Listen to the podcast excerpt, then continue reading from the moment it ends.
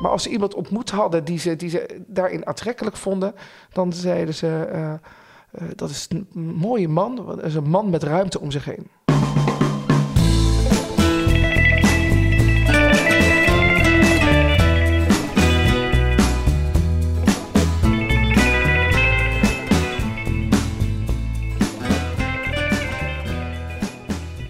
Lieve luisteraars, welkom bij de Verhalengast. De podcast waarin ik samen met een gast op zoek ga naar verhalen.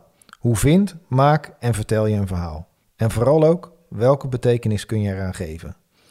In deze aflevering is de gast Helene de Mooi Lubbers. Zij is een succesvol coach voor ouders en kinderen en heeft zich gespecialiseerd op het gebied van paardencoaching. Ze schreef een boek, Ik zie jou. Ze is veelgevraagd spreker. Ze sprak onder andere op TEDx Rotterdam en daarnaast zet Helene zich actief in tegen pesten en is ze ambassadeur voor het Museum of Humanity.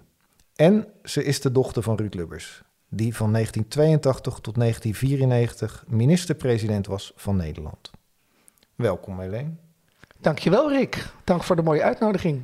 Ja, ja heel graag gedaan natuurlijk.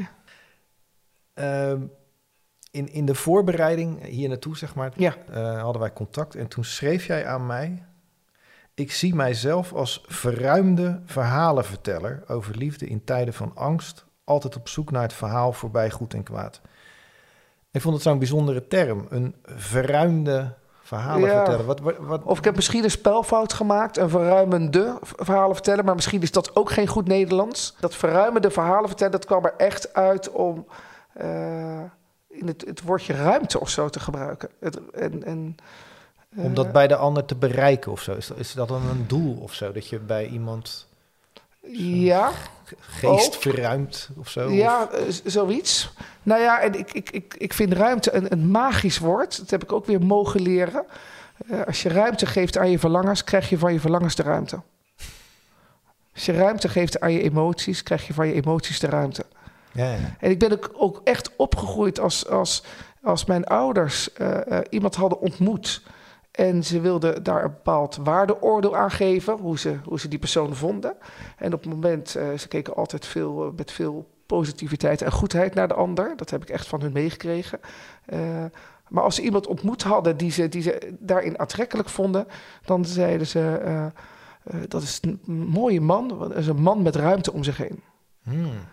En dat, is, dat is eigenlijk altijd bij me gebleven. Dat op het moment dat er ruimte ontstaat, eh, dan heb je letterlijk de ruimte om voorbij die woorden te luisteren. En voorbij die beelden te kijken. En, eh, En dat is eh, dan niet wat je vast wilt te delen. zitten in je eigen gedachtes. Ja. En dat is inderdaad, als ik verhalen deel, dan wel mijn verhaal, waar ik vandaag op word uitgenodigd, dankjewel. Eh maar dan wel mag luisteren naar andermans eh, andere eh, verhalen. Probeer ik vooral te luisteren naar de ruimte tussen de woorden, wat daar verteld wordt. Ja.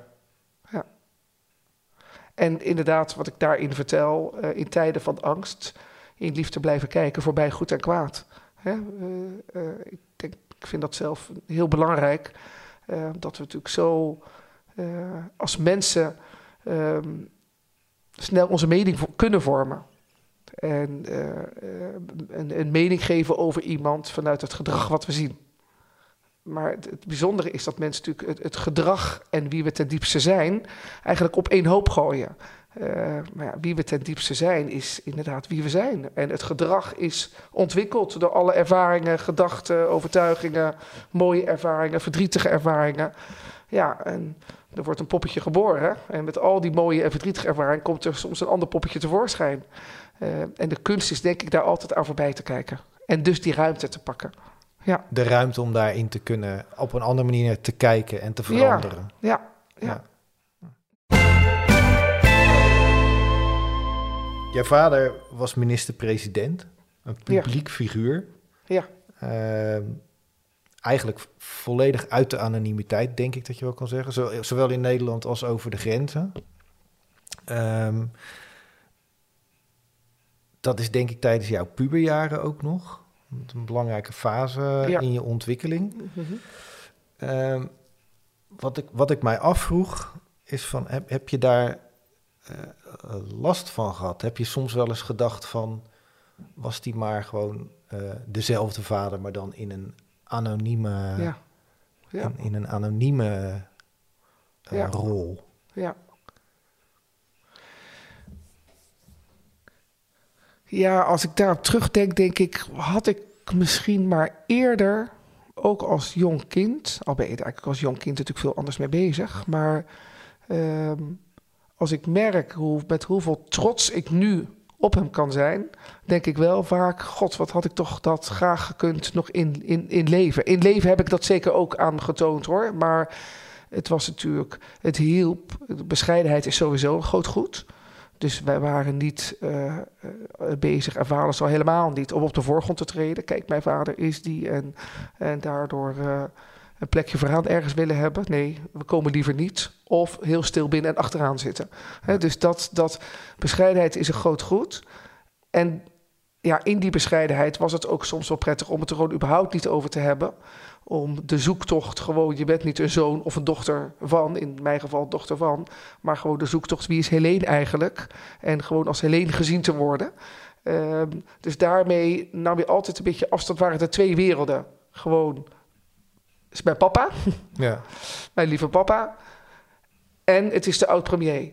Hm. ja. Dus, dus je wilt het scheiden van elkaar, maar tegelijkertijd zit het toch ook wel weer verweven in elkaar. Nee, maar ik ben. Ik, ben ik, kreeg vroeger nog wel eens de vraag: van, was je vader wel eens thuis of was hij er wel voor je in zijn drukke werkbestaan? En ik zei altijd: Nou, ik, eh, ik heb liever een vader die er niet is, maar wel is, dan een vader die er wel is, maar niet is. Hè, dus, dus nee, hij was er nooit. Hij was altijd aan het werk met een enorm groot verantwoordelijkheidsbesef. Ehm, maar moment suprême dat je hem nodig had, was hij er. En dan werd hij misschien wel stiekem natuurlijk even ingelicht en gestuurd door moeders. En dan heeft de moeders daar altijd weer, zoals andere ge- ge- gezinnen daar ook heel bekend in zullen zijn, dan wordt even door moeders aangestuurd. Maar, ehm, ja.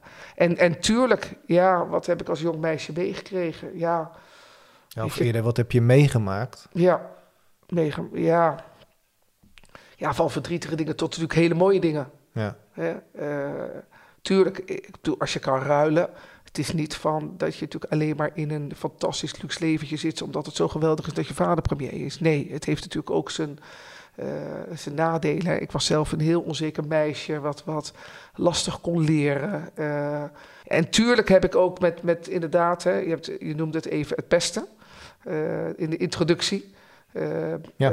weet je, klopt. Ik, ik ben inderdaad ambassadeur van de nationale organisatie Aandacht voor Pesten. Eh, aandacht voor sociale veiligheid. Omdat ik natuurlijk ook inderdaad dat meisje ben. eh, die ook vroeger gepest is. Hè? Kan Ja. ik je vader niet pakken, dan pak ik jou wel. Dus het Ja. was een combinatie van mijn eigen onzekerheid met moeilijk leren. En ehm, nou ja, een, een, een makkelijke prooi, zullen we maar zeggen. En ook in dat, ook in dat pesten. ehm, eh, ja, en dat heb ik zo van huis uit meegekregen. Eh, eh, om altijd vanuit nieuwsgierigheid en vertrouwen te blijven kijken. ja, daar hadden we het in het voorgesprek ook over. Toen zei jij van dat kon ik toen ook al. Ja, Dat vind, ja, dat vind ik razend knap of zo. Ik, ik, vind als ik aan mezelf denk als ja en het die is lief dat leeftijd. je dat zegt, razend knap. Maar het is voor mij dat vanuit nieuwsgierigheid en vertrouwen kijken, dat zit, dat is denk ik zo geboren in ons systeem. Ik, toevallig heb ik met Pasen nog een mooie wandeling met mijn broer gemaakt. En natuurlijk hebben we allemaal onze uitdaging in het leven. Eh, De, eh, privé of in de bedrijven of in de organisaties waarin we werken. Eh, en toen had ik met hem daar gesprek, wat zijn we toch gezegend... ehm, dat we altijd vanuit het vertrouwen willen kijken naar de oplossing. In plaats van vanuit wantrouwen kijken. En dat is wel een groot goed als je dat hebt meegekregen. Ja, dat denk ik ook. Want je hebt een gedicht geschreven over pesten. Ja, En dat, dat raakte mij. oké. Ik zou, zou, je het, zou je het eens willen voorlezen? Ja, ik, ben, ik, ben- ik heb het tijdje niet gepakt. Ah, hier. Ja. Het hele gedichtje even te voorlezen? Ja, zal ik het doen? Oké. Ja. Pesten. Voor mij vele ervaringen uit verleden tijd. Wat een angst, wat een pijn, wat een strijd. Angst om naar school te gaan, de rotopmerkingen of zelfs dat slaan. Je vader kan ik niet pakken, jou wel. Ruzie maken tot erger, op naar de volgende rel. Ergste vorm is genegeerd worden, dat niemand je ziet. Dat bezorgt vaak het grootste verdriet. Een weg naar het verleden, de pijn en kreukels soms nog voelen in het heden. Behoefte aan waardering is vaak nog waar. Gewoon gezien worden in wie je bent. Of is dat raar? Slim of niet, dik of dun, we zijn allemaal anders of niet? Zijn het al onze verschillen die men ziet? Of maakt dat ons juist zo bijzonder? We zijn allemaal uniek, een wonder. Leren staan in mijn eigen kracht maakt het leven zoveel mooier en zacht. Achter elk gedrag schuilt een verhaal, staat er nog met de grote letters onder. Dat staat er nog met grote letters onder, inderdaad. Ja, Ja. ja. Ja, en zoals ik je al in het begin zei, voordat we deze podcast begonnen, eh, heel goed dat we het hier even over hebben. En eh, het is duidelijk dat hier nu een hele gelukkige, eh, volwassen vrouw achter Maar- deze microfoon zit. Dat hoor ik En- ook een beetje in het gedichtje, volgens mij. En niet meer het zielige meisje. Ehm, maar ik vind het wel heel fijn dat ik mijn ervaring ehm, mag gebruiken. In, de- in, de, in de positieve zin. Ja. Ehm, om in een wereld eh, waar gepest wordt of waar mensen zich niet veilig voelen, op school, in bedrijven, organisaties, mijn bijdrage te geven als ervaringsdeskundige. En ik weet nog dat ik twee weken terug voor een eh, grote opdracht voor een, een, een organisatie die met justitie te maken heeft, eh, stond voor een onderwerp voor sociale veiligheid. En nou, ik heb daar enige kennis over en, en ik doe dit werk vaker, maar toch is het goed om elke dag weer op te staan alsof je niks weet. Dat is, vind ik altijd wel een mooie eh, uitnodiging in het leven. Echt te durven stappen in het niet wetende veld.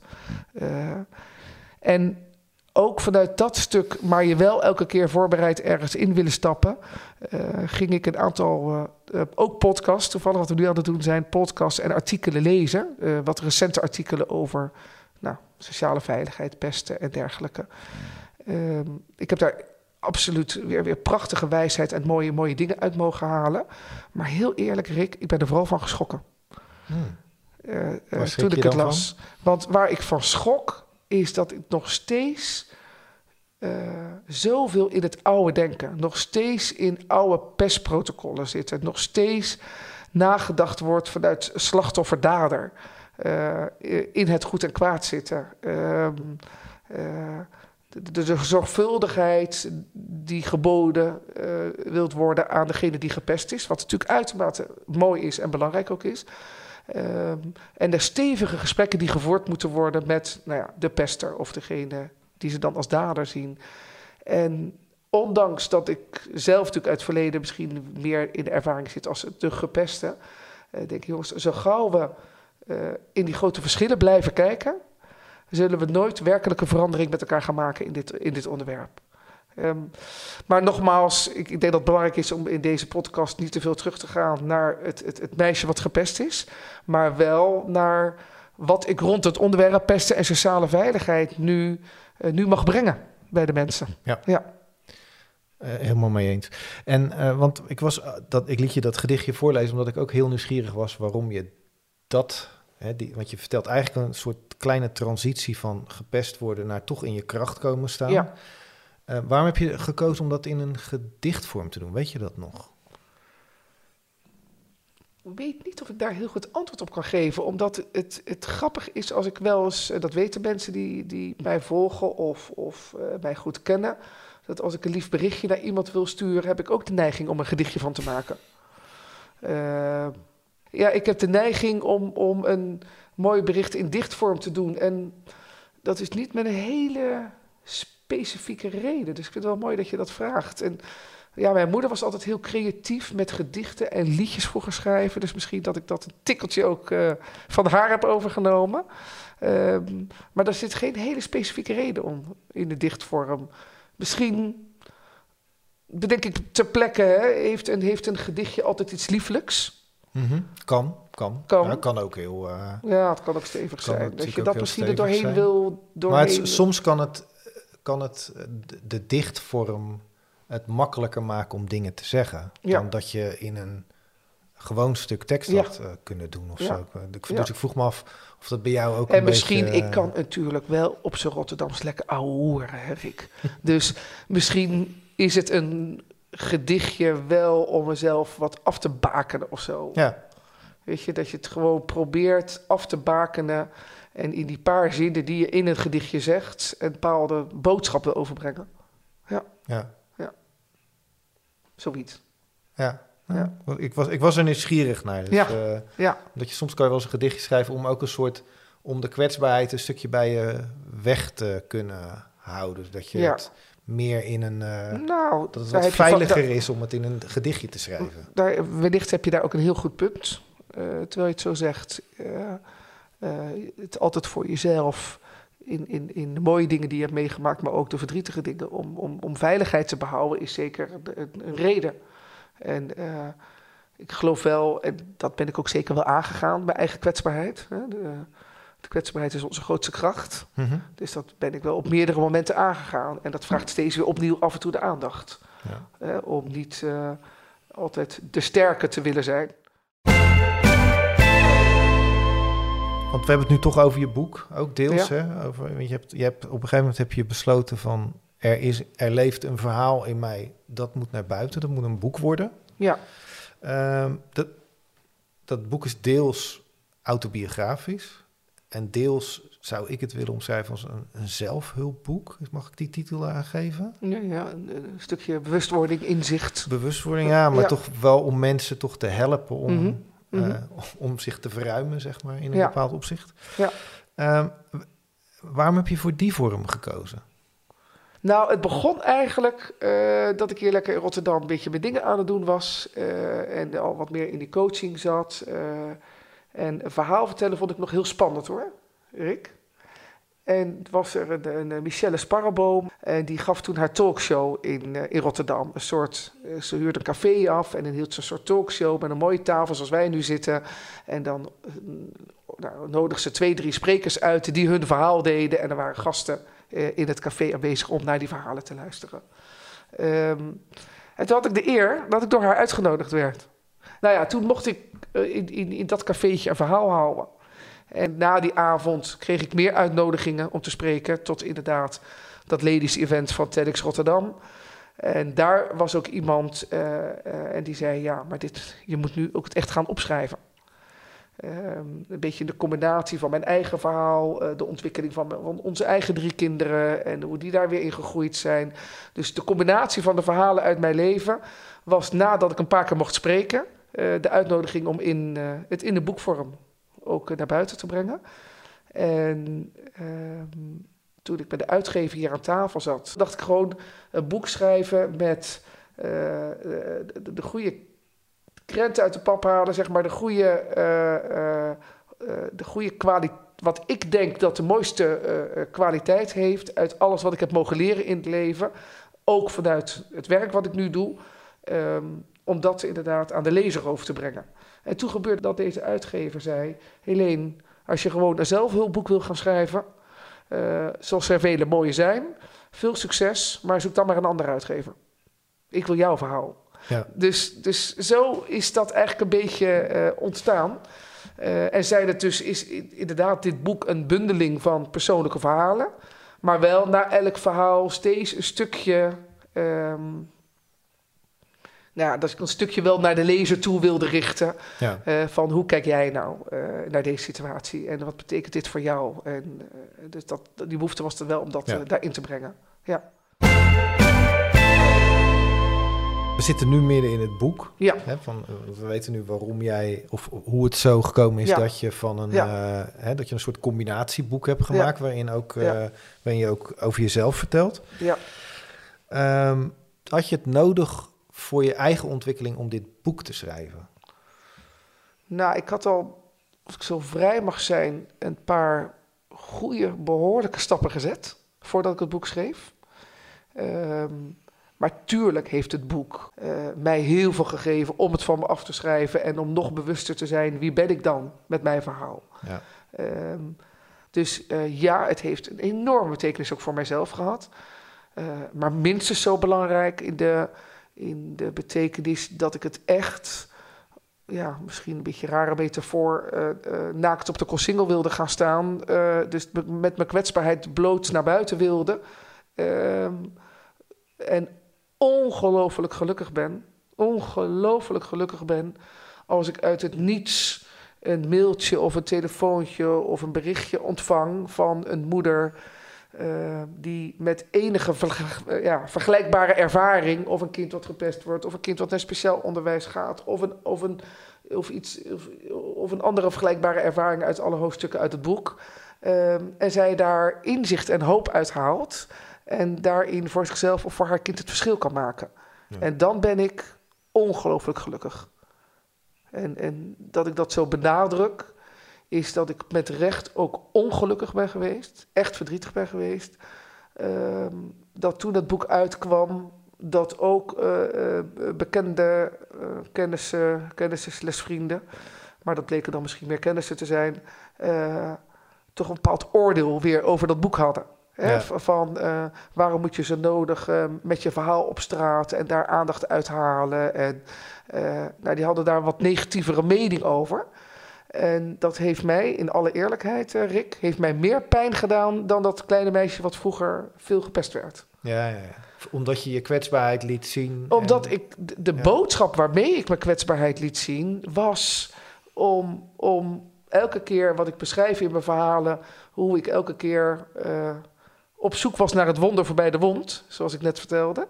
Uh, om dat echt mee te geven aan andere lezers en ook andere lezers daarop uit te nodigen. Dat, het is niet wat je meemaakt, maar het is wat je ermee doet. En wat is nou de diepere betekenis in wat je meemaakt en wat kan je daaruit halen? En dat was wel mijn grote drijfveer om dit boek naar buiten te brengen. Ja. En, en dan verrast zoiets je dat, dat, het, dat het ook op uh, nou ja, het, andere het, reacties. Uh, ja, het, het, het verrast me omdat dat soms dan mensen zijn die dachten: hé, hey, ik dacht dat ze mij beter kenden, weet je zo. Um, maar goed, ik heb ook geleerd, uh, ook van huis uit, als je iets niet begrijpt, misschien moet je er maar over verwonderen. Dat boek van jou, Helene, ja. dat heet Ik zie jou. Waarom heb je juist voor die titel gekozen? Het boek heette ook eerst iets in de trant van geluk. En dan tussen aanhalingstekens de T, dus gelukt. Oh. Geluk of gelukt. De weg van op naar in eigen kracht. Nou, uh, van op naar in eigen kracht staat nog wel uh, ergens benoemd. Maar het, het, het, het grapje met gelukt is eruit gehaald. Um, en toen heb ik een beetje gestoeid. Ik heb echt wel gestoeid met meerdere titels in de periode dat alle hoofdstukken geschreven waren. Um, en toen mocht ik uh, voor het Earth Charter, Handvest van de Aarde, waar vaders vroeger veel voor betekend heeft. En daar mocht ik een, een, een verhaaltje op een internationaal gezelschap houden. En toen uh, uh, vertelde ik daar van alles. En toen eindigde ik uh, mijn verhaal met, ehm, met, met twee dingen. Eén, iets, iets in de trant van lieve mensen. En als je het even niet meer begrijpt, wees dan even stil. Want in stilte ligt zoveel wijsheid verscholen. En op het moment uh, dat, we, dat ik nu mijn verhaal uh, mag afronden. En we zo met elkaar uh, in de pauze ingaan. En even lekker een drankje nemen en elkaar kunnen kletsen. Maar voordat jullie gaan kletsen. Wil ik eigenlijk aan jullie vragen. Als je zo opstaat. Loop eens één minuutje rond. In stilte. En op het moment dat je in dat minuutje rondloopt in stilte. Loop eens naar iemand toe Kijk iemand eens aan en zeg alleen maar: Ik zie jou. En blijf alleen maar kijken, zonder er meer woorden op in te vullen. En dat kwam toen spontaan, intuïtief eruit. En dat had toen zoveel impact uh, op, op de groep mensen en wat daar gebeurde. Want het was een, een soort een, een, congres over Earthchart, wat meerdere dagen duurde. En, en ik mocht op de eerste dag spreken en uh, daarna gebeurde van alles.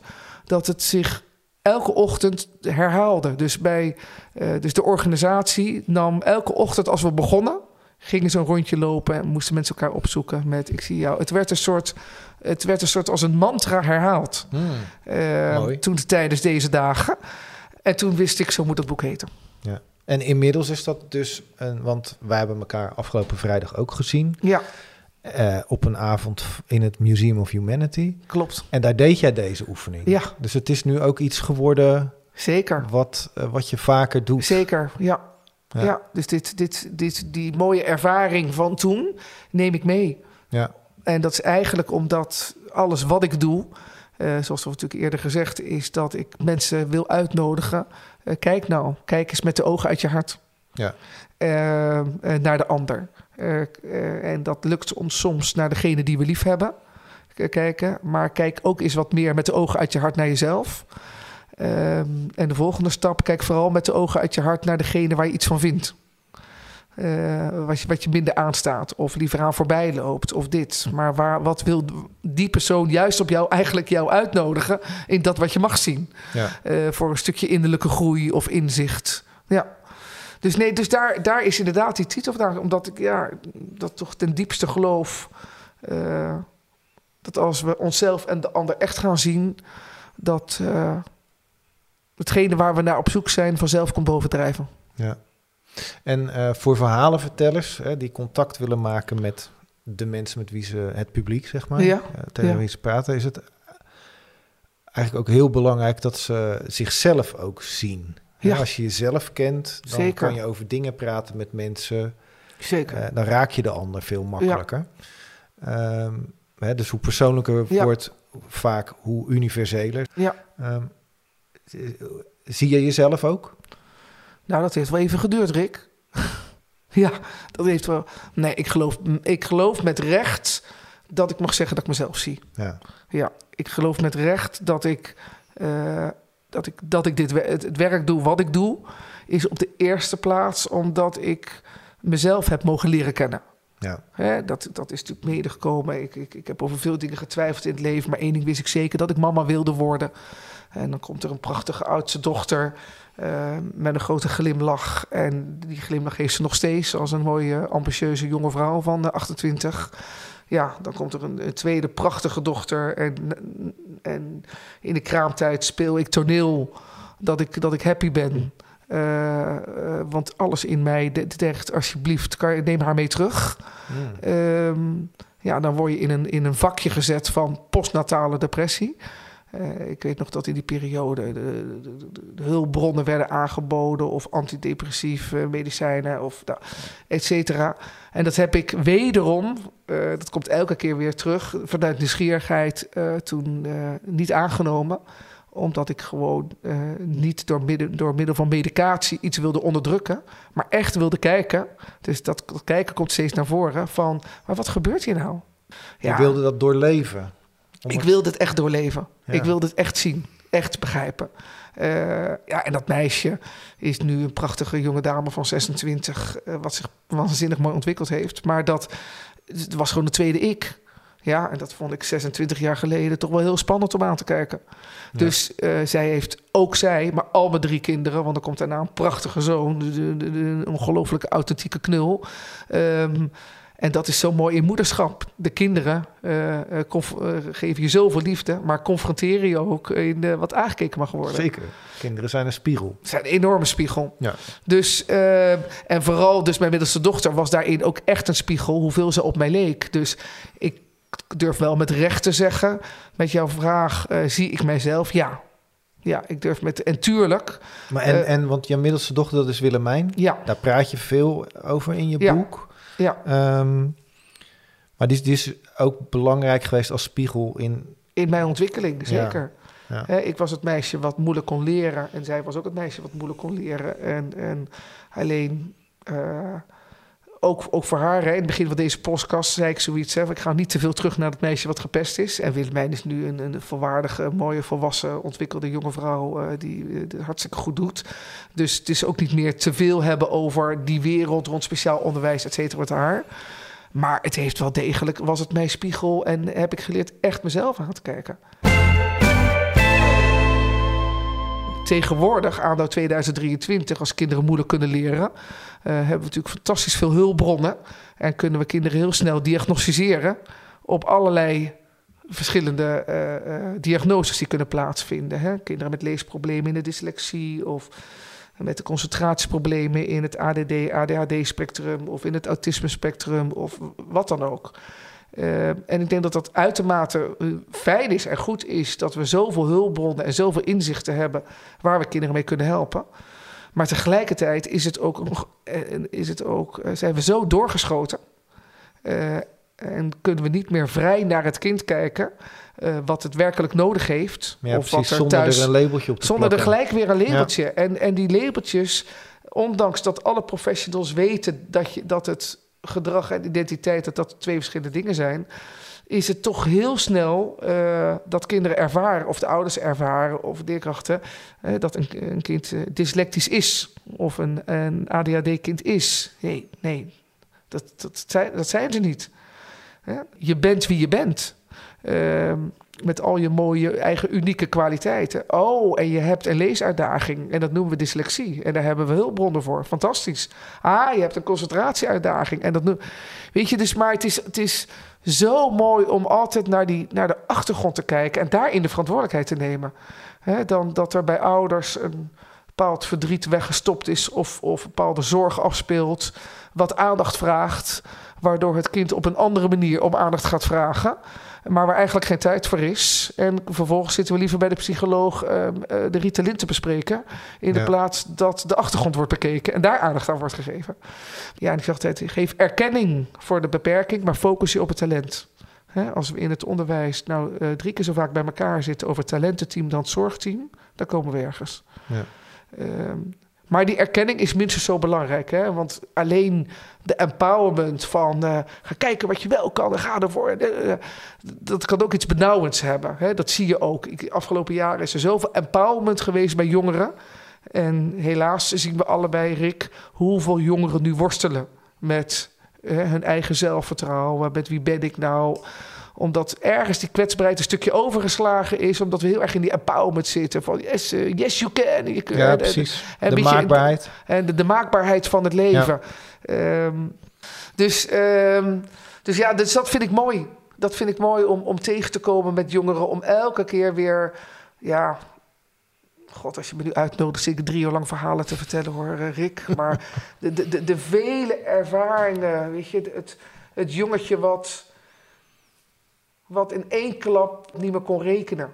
En dat noemen we dan dyscalculie of zo. En die jongen kreeg bijles met rekenen en eindeloos bijles. En er gebeurde van alles in. En op een gegeven moment kreeg ik de uitnodiging om ook eens even met het jongetje te kletsen. En als je het dan hebt over verhalen, gewoon naar het verhaal. Ik ben geen, ik, ik kan zelf helemaal niet rekenen. Dus ik bedoel, ik was niet de persoon om dat jongetje te leren rekenen. Maar ik mocht wel gewoon eens naar hem luisteren en, en gewoon zijn verhalen horen. En als je dan door naar hem te luisteren tot de ontdekking komt dat opa hem de eerste rekensommetjes leerde. Uh, en hij was dol op opa. En hij maakte allemaal sommetjes met opa. En hij leerde rekenen op de eerste plaats door opa. En opa is overleden.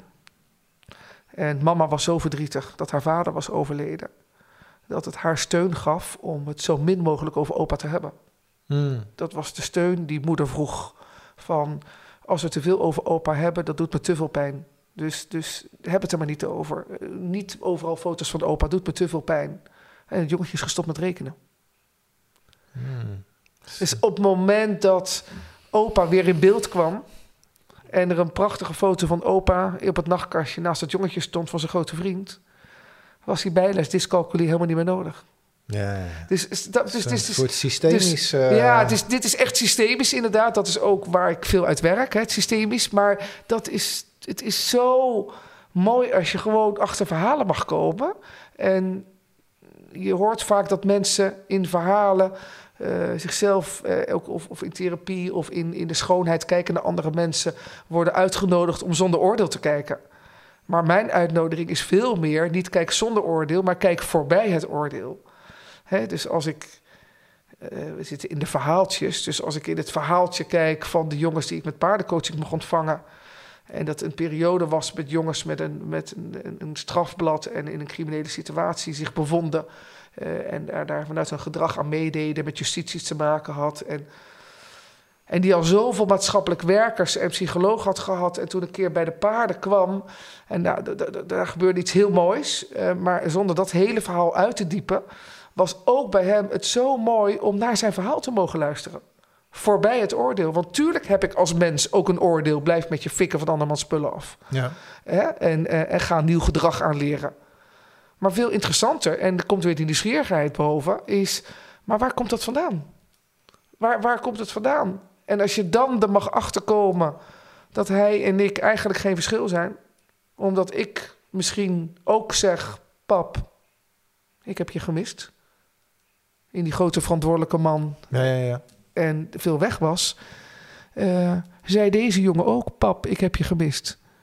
En zoals ik op mijn manier zeg: Pap, en ik zal zorgen dat je trots op me bent. Zegt deze jongen eigenlijk ook: Pap, ik zal zorgen dat je trots op me bent.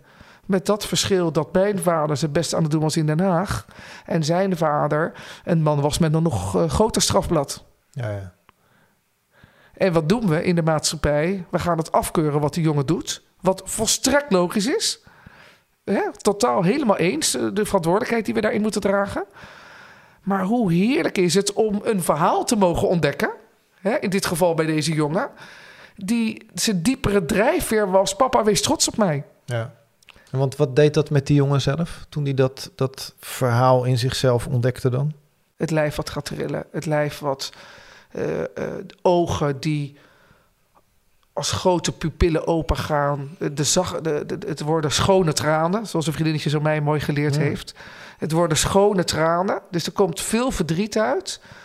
Maar vooral, om weer dat woordje terug te pakken waar het eerder over hadden, er komt heel veel ruimte. Dat is, dat is de ervaring die ik heb. Dat er dan bij iemand van. Jeetje, ik kan weer doorademen. Nu snap ik waarom ik doe wat ik doe. Ja. En pas als we snappen waarom we doen wat we doen, kunnen we een nieuwe keuze maken. In het voorgesprek vertelde jij, toen kapte ik jou af, toen zei ik van laten we dat maar bewaren voor nu, dat je bij je uitgever aankomt met een uh, grote stapel papier voor je boek. Want ik had daar namelijk een vraag over, want het viel mij op dat je boek heel helder en gestructureerd is. Ik vroeg mij toen af of dat iets over jou zegt. Ja. Maar jouw verhaal over die stapel papier deed me opeens anders vermoeden. Hoe, hoe zit het met die stapel papier? Nou ja, nee, ja, twee antwoord, antwoorden misschien. Want uh, een bepaalde helderheid vind ik altijd ik, uh, wel heel fijn hoor. Dus daar, daar moet ik wel eer, heel eerlijk in zijn. Ik, ik kan wel heel gevoelig zijn voor, voor helderheid en duidelijkheid. Hè? Dus hoe dat met het boek is gegaan, is dat ik, uh, zoals ik eerder vertelde, natuurlijk heel erg. Uh, altijd wil buiten die hokjes wil kijken, in de plaats dat, dat de mensen in hokjes geplaatst worden. Um, dus er lag op een gegeven moment inderdaad, je, hebt dan, je schrijft allerlei verhalen, et cetera. En heeft ook iemand mij geholpen, en een co-waard er fantastisch mee geholpen. Um, en er liggen op een gegeven moment stapels papier en die moet je inkorten. En de, het ene verhaal schrijf je uh, tien keer opnieuw en het andere verhaal vliegt uit je handen en is in één keer goed. Dus nou, zo, zo verzamel je natuurlijk een aantal verhalen. En toen lag er inderdaad stapeltjes papier. Toen ja, toen zei Jan Willem, de uitgever, inderdaad van Helene... het is nu wel handig dat we dat toch wel een beetje... Nou, op een gegeven moment maakte hij acht stapeltjes. Uh, bleken het dus acht hoofdstukken te worden. Hij zei, nou, probeer eens toch van elk hoofdstuk uh, daar een, een, een, bepaalde lijn in te bedenken. En ja, en dat moment vergeet ik inderdaad nooit meer. Omdat, zoals ik al zei, het ene verhaal moet je tien keer nadenken om een goed verhaal op te schrijven. En het andere verhaal uh, stroomt uit je handen. En de uitgever gaf de uitnodiging van, nou, ga jij eens komende week nadenken hoe die acht hoofdstukken mogen heten. En het, ik weet niet waar het vandaan kwam, Rick, maar het vloog uit mijn mond. Nieuwsgierigheid, aandacht, intenties, ontdekken, vertrouwen, wijsheid, overgave, vrijheid. Dat was het boek. Het was, het, ik ga nu in de, in de stroomversnelling, hè, die mm acht woorden.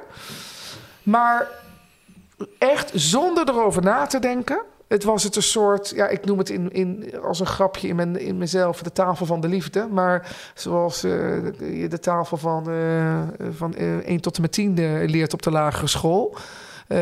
die je op een gegeven moment zo op kan dreunen. Maar dit kwam echt uit het niets op. Van nieuwsgierigheid naar aandacht, naar intenties, naar ontdekken, naar vertrouwen, naar wijsheid, naar overgave, naar vrijheid. De weg van nieuwsgierigheid blijven kijken naar vrijheid, innerlijke vrijheid.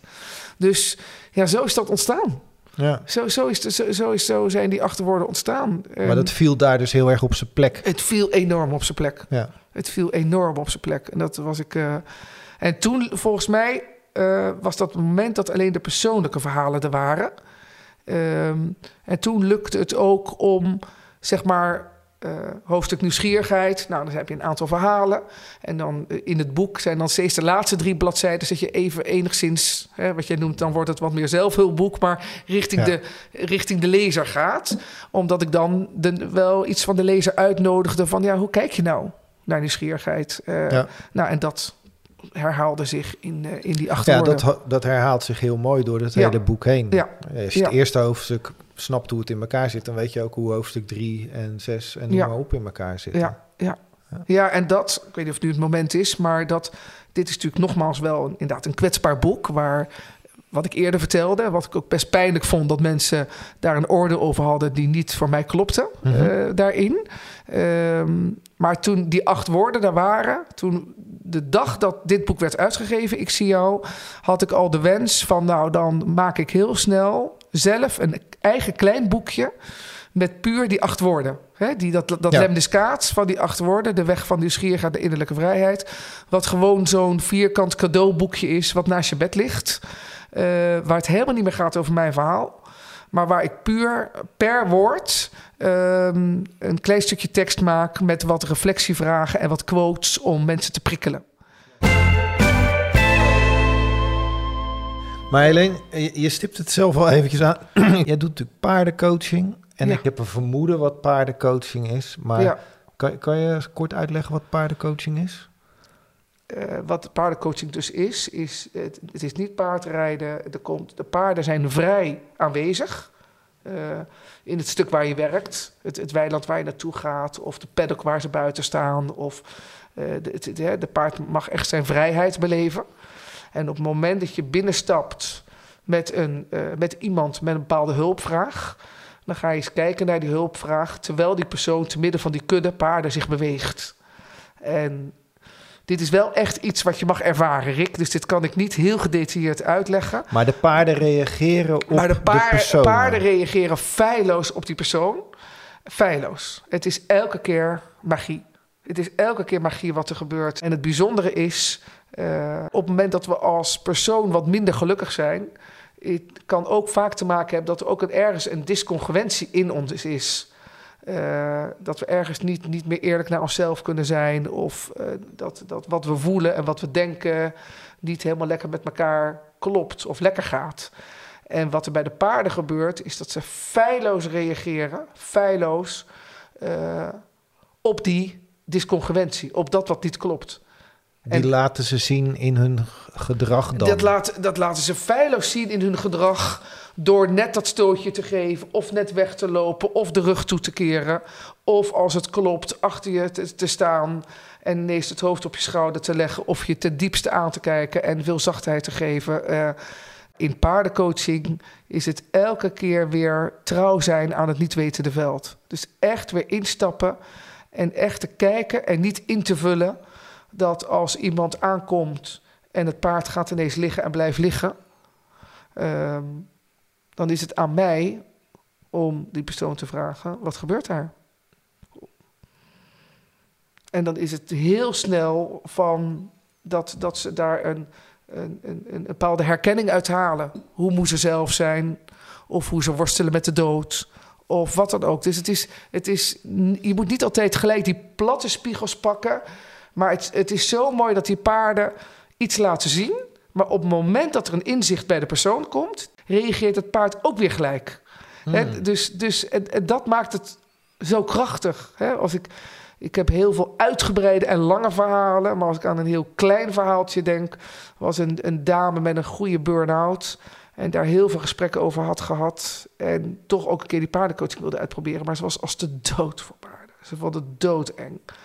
En ik had besloten om niet met een hele kudde, maar met één wat liever ouder paard te werken. Die wat rustig is, wat knuffelig is. Wat, om die zachtheid voor haar even wat, wat meer aandacht te geven. De zachtheid in haar. En uh, vlak voordat wij uh, het veld in gingen, zoals ik dat dan noem, hè, dus, dus de, de, de, plek in gingen waar dat paard lekker vrij aanwezig was. Mm -hmm. Dus we moesten even voorbij dat touwtje, maar we stonden nog net voor dat touwtje. Vroeg ik aan haar: Vertel eens, wat, wat is je vraag? Wat, waar, waar zou je eigenlijk vandaag naar willen kijken? En terwijl zij met haar woordenstroom begon, ging dat paard nou echt vloog door de paddock heen. Met, die was alleen maar aan het rennen, van voor naar achter. Terwijl ik dacht, en zo kende ik dit paard ook, als een heel rustig, lief beest. En uh, dus terwijl ik dat paard zag rennen uh, en zij aan mij in haar woordenstroom zat, kon ik alleen aan haar vragen van, joh, sorry dat ik je even interrupeer, maar ik heb een klein vraagje. Hoe lang ren je al? En op dat moment werd ze stil en rolden de tranen over de wangen. En mocht een klein. En, en op het moment dat zij haar ogen groot werden en de zachte tranen over haar wangen rolden, stond het paard stil, stopte met rennen, kwam naar haar toe en keek haar recht in de ogen aan. Mooi, interessant. Dank je. Ja. Het wordt wel best wel gelukkig als ik uh, ergens mag spreken of als mensen, als ik ergens een, een opdracht heb of zo. Dan uh, ben ik altijd wel blij als ze zeggen van Helene heeft een, een, een, mooi verhaal of inspirerend verhaal, maar kan er ook af en toe lekker met platte Rotterdamse humor in zitten. En nu denk ik, jeetje, wat ben ik eigenlijk serieus bij deze podcast. Ja, ja, ja, het is een heel de, serieus verhaal. De, de, de dingen gaan zoals ze gaan, maar ik, ik, voel wel een beetje dat ik denk, uh, oh, wat ik ben wel een beetje te serieus voor de luisteraars die denken, wat is dat voor serieuze tante? Nou, uh, leer mij kennen. ja, ja. Nee, nou ja, ja, nee, nou ja, dat is inderdaad uh, het gesprek ja. zoals we het hebben. Ja. Precies, zo ook gaat goed, het. Uh, en dat is ook helemaal goed, toch? Ja, vind ik ja. wel, vind ik wel. Um, afgelopen vrijdag had ik uh, de eer om jou als spreker te zien. Ja, bij Museum of Humanity. Bij het Museum of Humanity, inderdaad. Het verhaal is het één, maar het andere is natuurlijk ook de manier waarop jij het vertelt. Je, je doseert, je geeft gas, uh, je neemt weer gas terug. Uh, je maakt je stem harder, je maakt je stem zachter. Ja. Je speelt ja, heel bekwaam. Uh, breng nou, je dat verhaal? Ik krijg, het is gelukkig alleen maar luisteren wat de luisteraars nu doen en niet zien. Want ik krijg wel een beetje rode wangen. Oh, nou ja, nee, maar dat viel ja. mij gewoon op. Nee, wat lief van je, Rick. Ja, nou nee, nou niet, ja, ik zeg het niet om lief te zijn, maar, maar ik was nieuwsgierig nee. van waar heb je die... Hoe heb je die skill ontwikkeld om op die manier een groep echt uh, muis stil te krijgen en ja. naar jou te laten luisteren. Ja. Hoe, uh, hoe, ja. hoe heb je dat? Uh, hoe ja, hoe en dan heb ik nog de grote les in al mijn bezieling dat ik mensen zo graag naar die schoonheid wil laten kijken, elke keer weer opnieuw, hoe ingewikkeld de situatie ook is, dat ik wel dan te veel praat. Dus nu heb ik dat ook het idee, oh alleen je praat te veel. Ik denk, oh nee, nee, nu is het een uitnodiging. Nu mag ik praten, mag want praten. ik word uitgenodigd in deze podcast. Maar het is wel uh, keer op keer voor mij de les ook om nog meer ook te luisteren. Al geloof ik wel dat ik dat in mijn werk, in de wandelen, wandelcoaching, wat ik ook doe, maar de wandeling of bij de paarden mag doen. Maar dat spreken, ja, waar die kwaliteit, zoals jij dat lief of lief, maar nou, zo aangeeft zoals je het aangeeft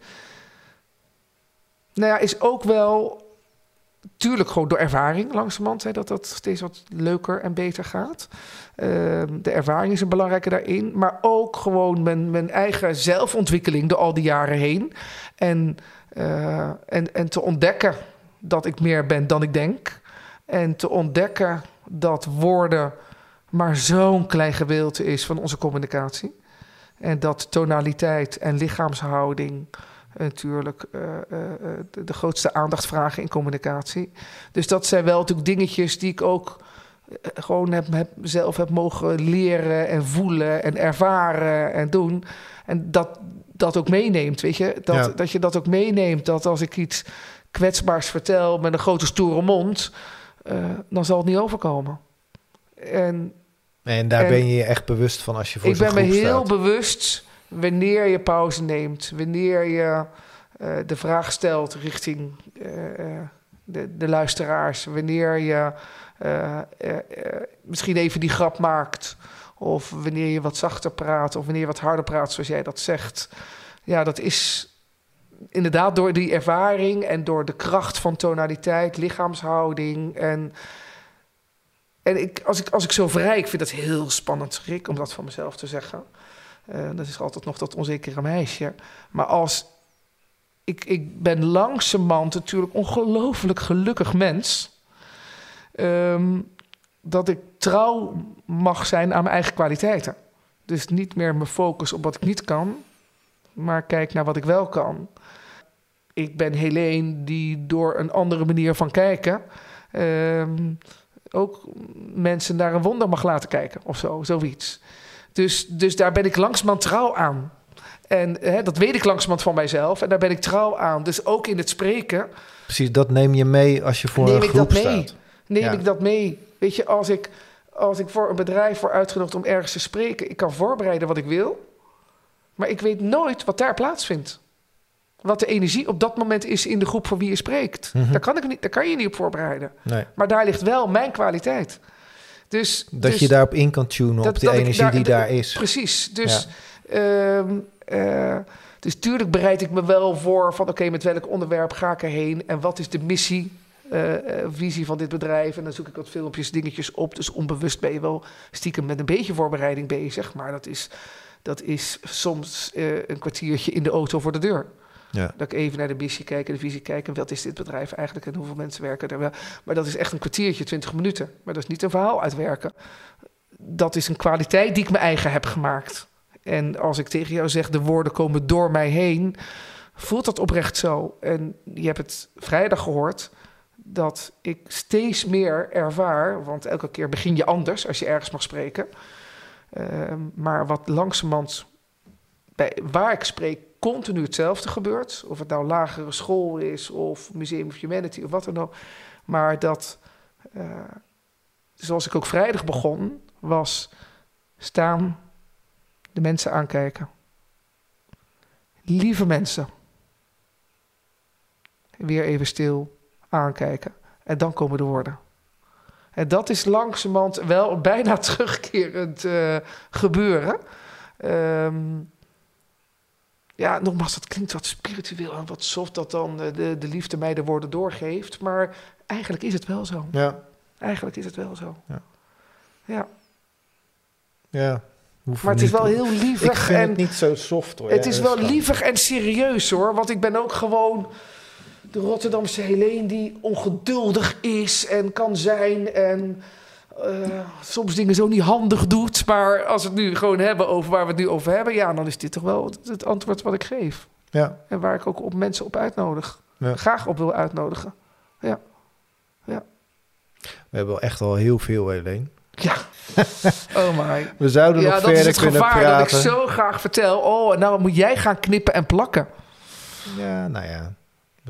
Wat een... De, ik, ik, nu geef ik jouw werk. Mijn excuses. Ja, nee, nou, nee, dit haal ik mijzelf op de hals natuurlijk. Ja, ik vond, voor je vragen verrassend en mooi. Dankjewel. Oh, nou, fijn uh, Oprecht. En... Um, maar als ik zo een beetje naar mezelf zat te luisteren, denk ik, jeetje, wat, wat, wat, wat ben je serieus? Maar ja, tegelijkertijd denk ik, zoals Dirk de Wachter, een psychiater uit België, ja. zegt, het grootste probleem is van deze tijd is dat we alles leuk willen hebben.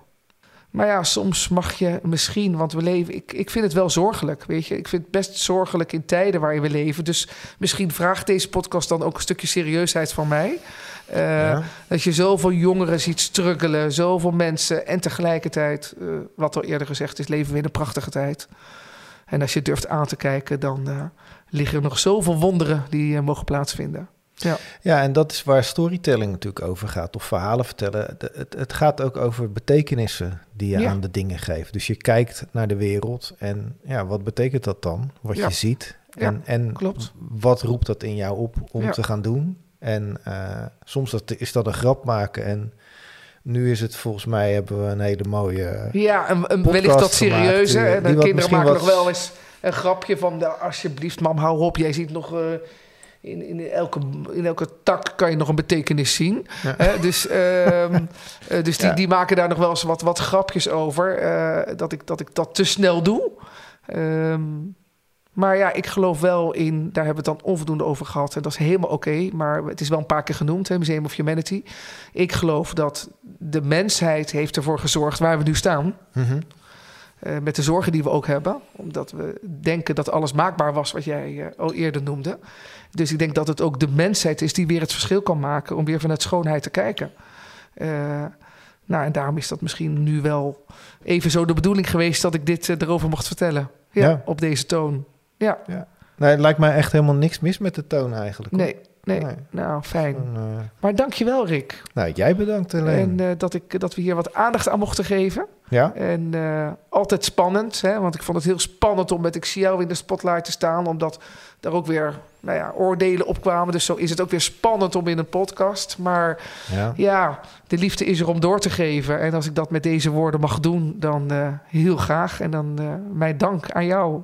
Ja, Ja. nou, volgens mij is dat hartstikke goed gelukt. Goed zo. En, nou, ja, ook bedankt alleen voor eh, ja, je tijd en, en je mooie verhalen. ja.